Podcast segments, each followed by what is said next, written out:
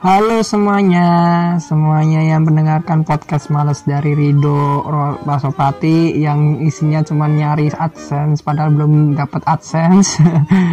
Oke, jadi podcast kali ini mungkin ada sedikit apa namanya ya? Podcast heh. Bentar, itu tadi ada cicak di jalan di lantai. Jadi ini podcastnya agak sedikit aneh lah ya podcastnya bukan kemarin kan suka duka semua. Nah ini ada satu hal yang podcast ini jadi renungan aku dan mungkin bisa jadi renungan buat teman-teman semua ya adalah pertimbangan untuk lanjut S2.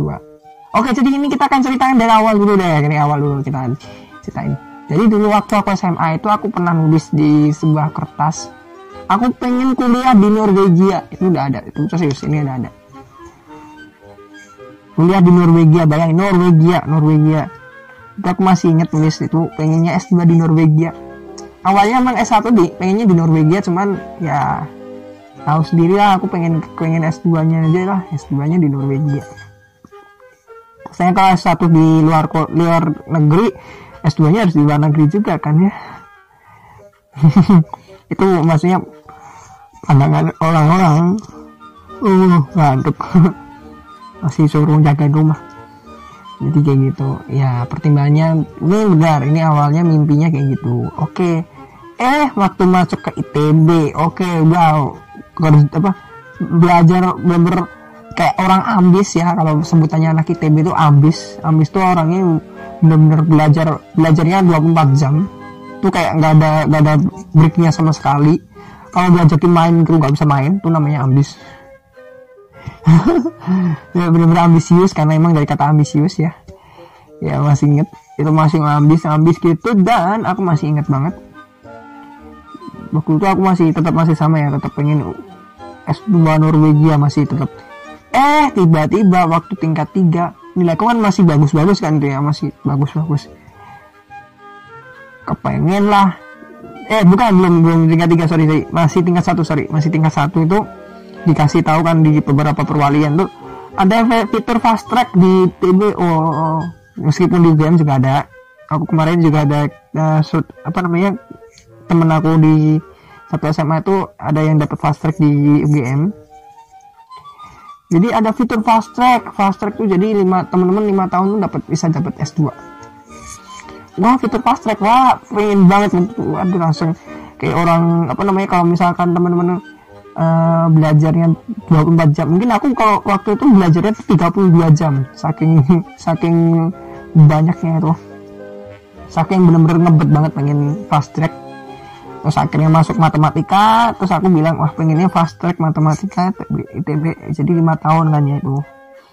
Waktu tingkat tiga aku masih ingat waktu tingkat tiga wah langsung bener-bener kayak kayak ker, kerja horse bagi kuda eh sorry kerja hard bagi horse ya. Kerja hard bagi horse. Bener-bener kerja banget tuh aku. Ini belajar pulang belajar horse bagi apa belajar hard bagi kuda. Wah keren banget. Wah gila banget. Waktu itu masih tetap masih pengen. Eh tiba-tiba mata kuliah pengantar teori suku bunga. Tahu nggak teman-teman indeksnya apa coba? D. Indeksnya D. D itu udah nggak lulus pak kalau di jurusan ITB itu D itu nggak lulus. Itu satu mata kuliah untungnya pilihan tapi nggak lulus. Ya jadinya aku ngerasa nggak ya aku nges ya kesel lah ngapain nggak ngapain ngambil mata kuliah ini. Ya akhirnya ya sempet down di situ untuk lanjut fast track tapi temen ada orang yang ngasih info fast track. Tapi sayangnya harus daftar harus daftar sama orangnya itu sendiri dan harus di OTS dan tahu nggak daftarnya itu bukannya kapan coba? Tiga minggu sebelum uh, eh bukan satu bulan sebelum masuknya apa masuk ITB apa masuk kuliah satu bulan. Itu aku posisi masih di rumah. Dan mungkin kalau misalkan bolak balik uh, Bandung Solo waktu itu wah gila aja. Bayarnya berapa? Itu masih inget ya udahlah aku soalnya waktu itu aku harus ngurus juga di apa namanya kayak semacam penerimaan mahasiswa baru ya PMB nya gitu. Aku harus ngurus juga ya udah aku ya mau nggak mau aku datang ke ITB tanggal 2 Agustus aku nggak salah. Pokoknya awal Agustus datang ke ITB daftar.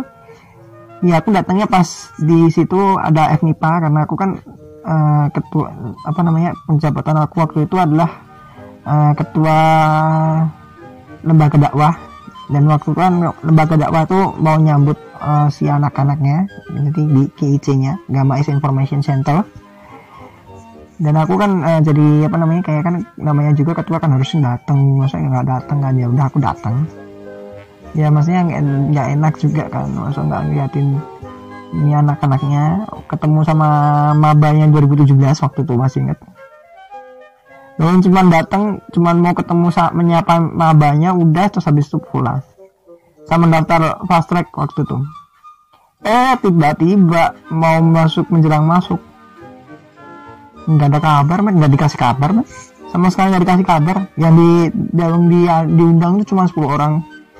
Padahal yang anak matem tuh lebih. Lebih ya dari 10 orang dan emang terus alasannya waktu itu kan aku waktu itu ya udah nggak apa-apa datang aja yang gini gini tapi kalau udah nggak nggak diundang tuh aku udah kayak ngerasa ya ah nggak diundang. Ya kayak ah ya nggak jadi lah. Tuh itu yang uh, faktanya itu. Akhirnya ya udahlah kalau misalkan aku lanjut S2 di sini juga kayak uh, motor udah hilang karena itu pertimbangan pertama itu motornya udah hilang ya udah sekalian aja langsung ke, ke Norwegia lah itu itu yang pertama.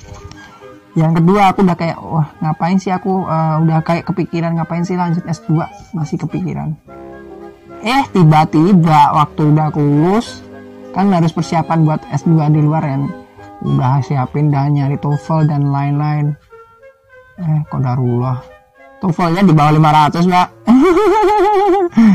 Kan itu cuma berapa cuma terpaut dua atau tiga doang itu baru 500 padahal minimal 600 kalau nggak salah 550 atau 600 ya terus langsung aduh dan di situ aku langsung bilang aku mungkin nggak bakalan S2 sampai aku uh, apa namanya kuliah apa kerja sambil belajar uh, bahasa Inggris. Padahal dulu aku masih ingat belajar bahasa Inggris itu 7 tahun. Dari aku kelas 3 sampai SMA.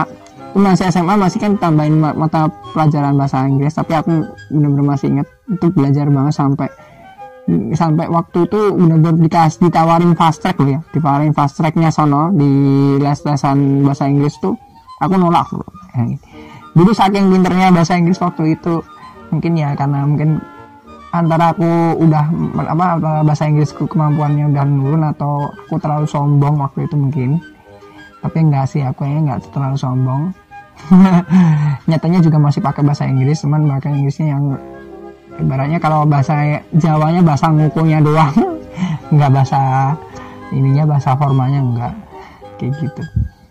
Nah ini kan tadi untuk pertimbangan udah terus kok bisa pertimbangannya ada apa sih kok sampai kok harus menunda? Oke jadi gini. Setelah tahu kayak gitu kan aku memutuskan untuk kerja. Kerjanya di Jakarta terus dia tahu sendiri kerjanya di Jakarta sambil aku pengennya sambil kerja di Jakarta tuh sambil uh, les TOEFL lah ibaratnya kayak gitu kan ya. Eh tapi nggak nggak kesampaian sampai sekarang. Nah masalahnya bukan itu pak. Masalahnya tahu nggak masanya apa di sana aku ketemu sama banyak orang yang S1 banyak orang yang maksudnya yang nggak nggak sekolah dan yang mereka tuh pengennya sekolah. Yang ini langsung oh ada orang yang pengen sekolah ada orang yang pengen S1 ada yang orang yang lulusan SMK doang SMA doang pengen kuliah. Aku masih inget kan ada satu temanku teman kerjaku halo. Dia tuh bayangin aja dia tuh seumuran sama aku. Aku udah lulus dia tuh baru baru baru kuliah. Seumuran sama aku 1996 dia baru baru kuliah aku aku aku udah lulus. Aku udah lulus kuliah dia baru masuk ya udah kayak orang luar negeri. Kalau aku dulu kan dikasih tahu sama temanku. Itu kalau orang luar negeri di Jerman waktu temen kan di Jerman kan ya. Dia, dia itu cerita. Ya kayak gitu. Maksudnya orang-orangnya di situ kayak gitu. Dia itu kerja dulu. Terus nanti kalau udah ya terus dia sambil kuliah. Jadi dia tuh bisa absen sampai berapa kali tuh dia bisa. Ya. serius itu teman kalau teman-teman punya teman-teman yang di apa teman-teman kalau punya teman di Jaka, di Jerman kuliahnya itu teman-teman tanya aja. Itu rata-rata tuh 23 24 25an itu baru kuliah. Itu which is itu sama kayak sekolah sekolah sekolah sekolah swasta. Sekolah sekolah swasta tuh di, di antara 23 24 meskipun ada yang sekarang ya 19 tahun 20 tahun masih ada kakakku aja itu paling tua waktu di waktu kuliah di sana di universitas swasta. Itu dia paling tua. Dan laki-laki sendiri itu pas tinggal milih sih sebenarnya itu kakakku tuh emang gimana sih tinggal milih. Tapi dia tuh paling tua bayangin. Dia tuh sekarang 27 tahun. Aku sekarang aja 23 loh ya. Eh 26 dia kak dia kan belum ulang tahun ya. 26 tapi masanya dia paling tua loh masanya itu paling tua. Dia waktu masuk tuh 23 berarti ya? Dia, sorry 25 dia mas eh 24 sorry 24 dia masuk. Kayak gitu. Eh 24 atau 25 sih? Ya, ini tahun kelima sih berarti oh iya sorry 25 25 kayak gitu. Nah pertimbangannya banyak banget. Ya memang salah satunya itu. Ya mungkin kalau teman-teman ya pengen S2 S2 nah belum ini belum selesai ini belum. Ini aku masih idealisnya idealisnya wah ngapain sih buat S2 dan as kerja di Solo. Kerja di Solo nih aku temu sama HRD ku. Ini kalau buat uh, HRD ku dengerin. Aku temu HRD ku aku terus dia tuh cerita ke aku. Mas dulu tuh aku sebenarnya nggak S2 loh Mas. Tapi S apa kalau eh, kalaupun S2 itu S2-nya di apa universitas yang uh, swasta bukan yang universitas negeri gitu kan ya. Jadi cerita. Aku tuh mau di, di sekolahin lanjut S3 itu sama, aku tuh bilang sama sama manajer saya. Manajer apa kayak bosnya dia itu kan. Mas daripada masnya apa pak kalau daripada bapaknya apa ngasih aku uang kuliah buat kuliah apa buat uang buat kuliah lanjut mending bapak ngasih uang ke security yang belum sekolah. Ini sampai sekarang gue langsung mikir serius ini ini serius nih langsung.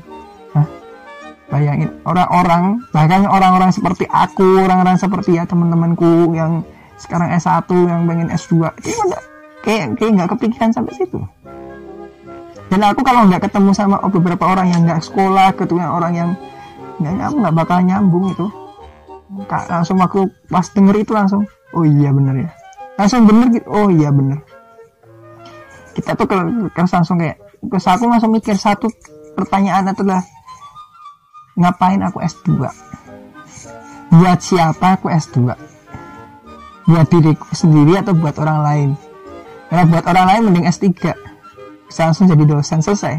Atau mungkin S2 oke okay, S2 tapi langsung jadi dosen yang butuh S2 biasanya itu dosen swasta dan kalau misalkan dosen negeri itu jarang banget yang nyari S2 ya meskipun ada cuman ya jarang sih. Jarang itu bukan berarti nggak ada ya jarang itu ada. Ada cuman dikit gitu. bayangin langsung oh iya aku langsung bertanya ya mending sekarang tujuannya Indonesia itu adalah memajukan kesejahteraan umum mencerdaskan kehidupan bangsa tapi kalau yang cerdas tuh cuma beberapa orang gimana itu salah satu satu satu hal yang bikin aku tuh aku mending pingin punya perusahaan. Nanti 10% dari revenue-nya perusahaan aku pengen sumbangin untuk bikin sekolah. Itu aku langsung kayak ya, aku pengen kayak gitu ya Allah aku pengen punya sekolah sendiri.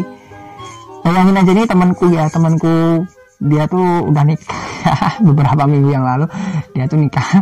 Dia tuh punya apa perusahaan ya perusahaannya tentang apa kayak bimbel-bimbel online. Dan tahu nggak?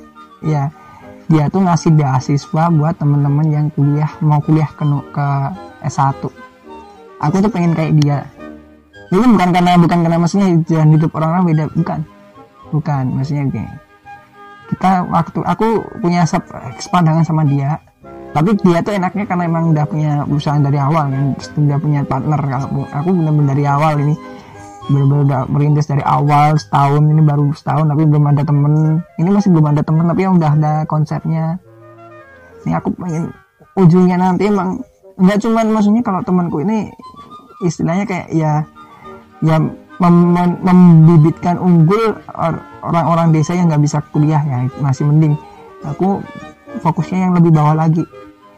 Minimal mem- membibitkan unggul-unggul apa mem- mengunggulkan bibit-bibit yang yang cuma bisa lulus sampai SD doang. Bahkan ada yang nggak tamat SD ada yang nggak tamat SD ada yang ada yang nggak tamat SD itu kasihan. Aku pengen banget ya maksudnya nyekolahin mereka sampai ya sampai minimal SMP lah. Karena emang minimal kan belajar belajarnya 9 tahun. Aku pengen punya ya makanya pengen bikin sebuah sekolah yang swasta tapi ya kurikulumnya udah paling maju. Nggak nggak mereka tuh nggak usah nggak usah apa istilahnya kayak nggak usah bayar dengan dikasih surat buktinya. Tapi kalau misalkan mereka udah orang yang mampu mending bayar lah bayarnya dikasih berapa gitu. Tapi aku masalahnya bukan masalah itu tapi aku pengen mem- memajukan Indonesia. Makanya aku menanya kamu tuh pintar buat siapa? Itu pertimbanganku untuk lanjut S2 itu sampai segitu. Terus yang kedua orang tua aku juga udah mulai tua. Ini kan orang tua aku masuk 60 tahun lah ya, ya harus benar-benar harus ada dalam uh, jarak yang sedekat mungkin kalau bisa. Jadi kalau ada apa-apa aku bisa datang buat ngejek mungkin atau bawa ke rumah sakit. Yang kedua terus yang ketiga juga masalah mobil. Karena ya sa satu rumah ini yang punya SIM SIM A itu cuma aku sama bapakku. Kalau bapakku ada apa-apa ya berarti kan tinggal aku. Karena kakakku nggak nggak mungkin keluar tanpa SIM. Atau mungkin harus minta tetangganya tapi ya ya susahnya di situ lagi harus dianya harus ada ya kan. Kalau misalkan aku ada kan enak kan gitu. Pertimbanganku untuk S2 itu sampai situ jadi ya paling paling utama itu sebenarnya ya kayak karena ya pengen banget apa ya istilahnya kayak ya pengennya tuh pengen S2 cuman ya lihat ada orang-orang yang belum belum bahkan S lulus SD itu enggak belum belum bisa lulus SD bayangin orang sampai mikir ya Allah kenapa sih aku kayak kalau ego banget mikirin diri sendiri? Ya udahlah mending gak usah lah. Aku sekarang ya pengen nyari masjid yang ngasih beasiswa buat ya buat orang-orang ini maksudnya biar dianya tuh apa kayak dia tuh punya pondok pesantren atau mungkin dia punya eh, apa namanya kayak bukan pondok pesantren tapi sekolah Islam lah ibaratnya kayak gitu. Pengen nyari.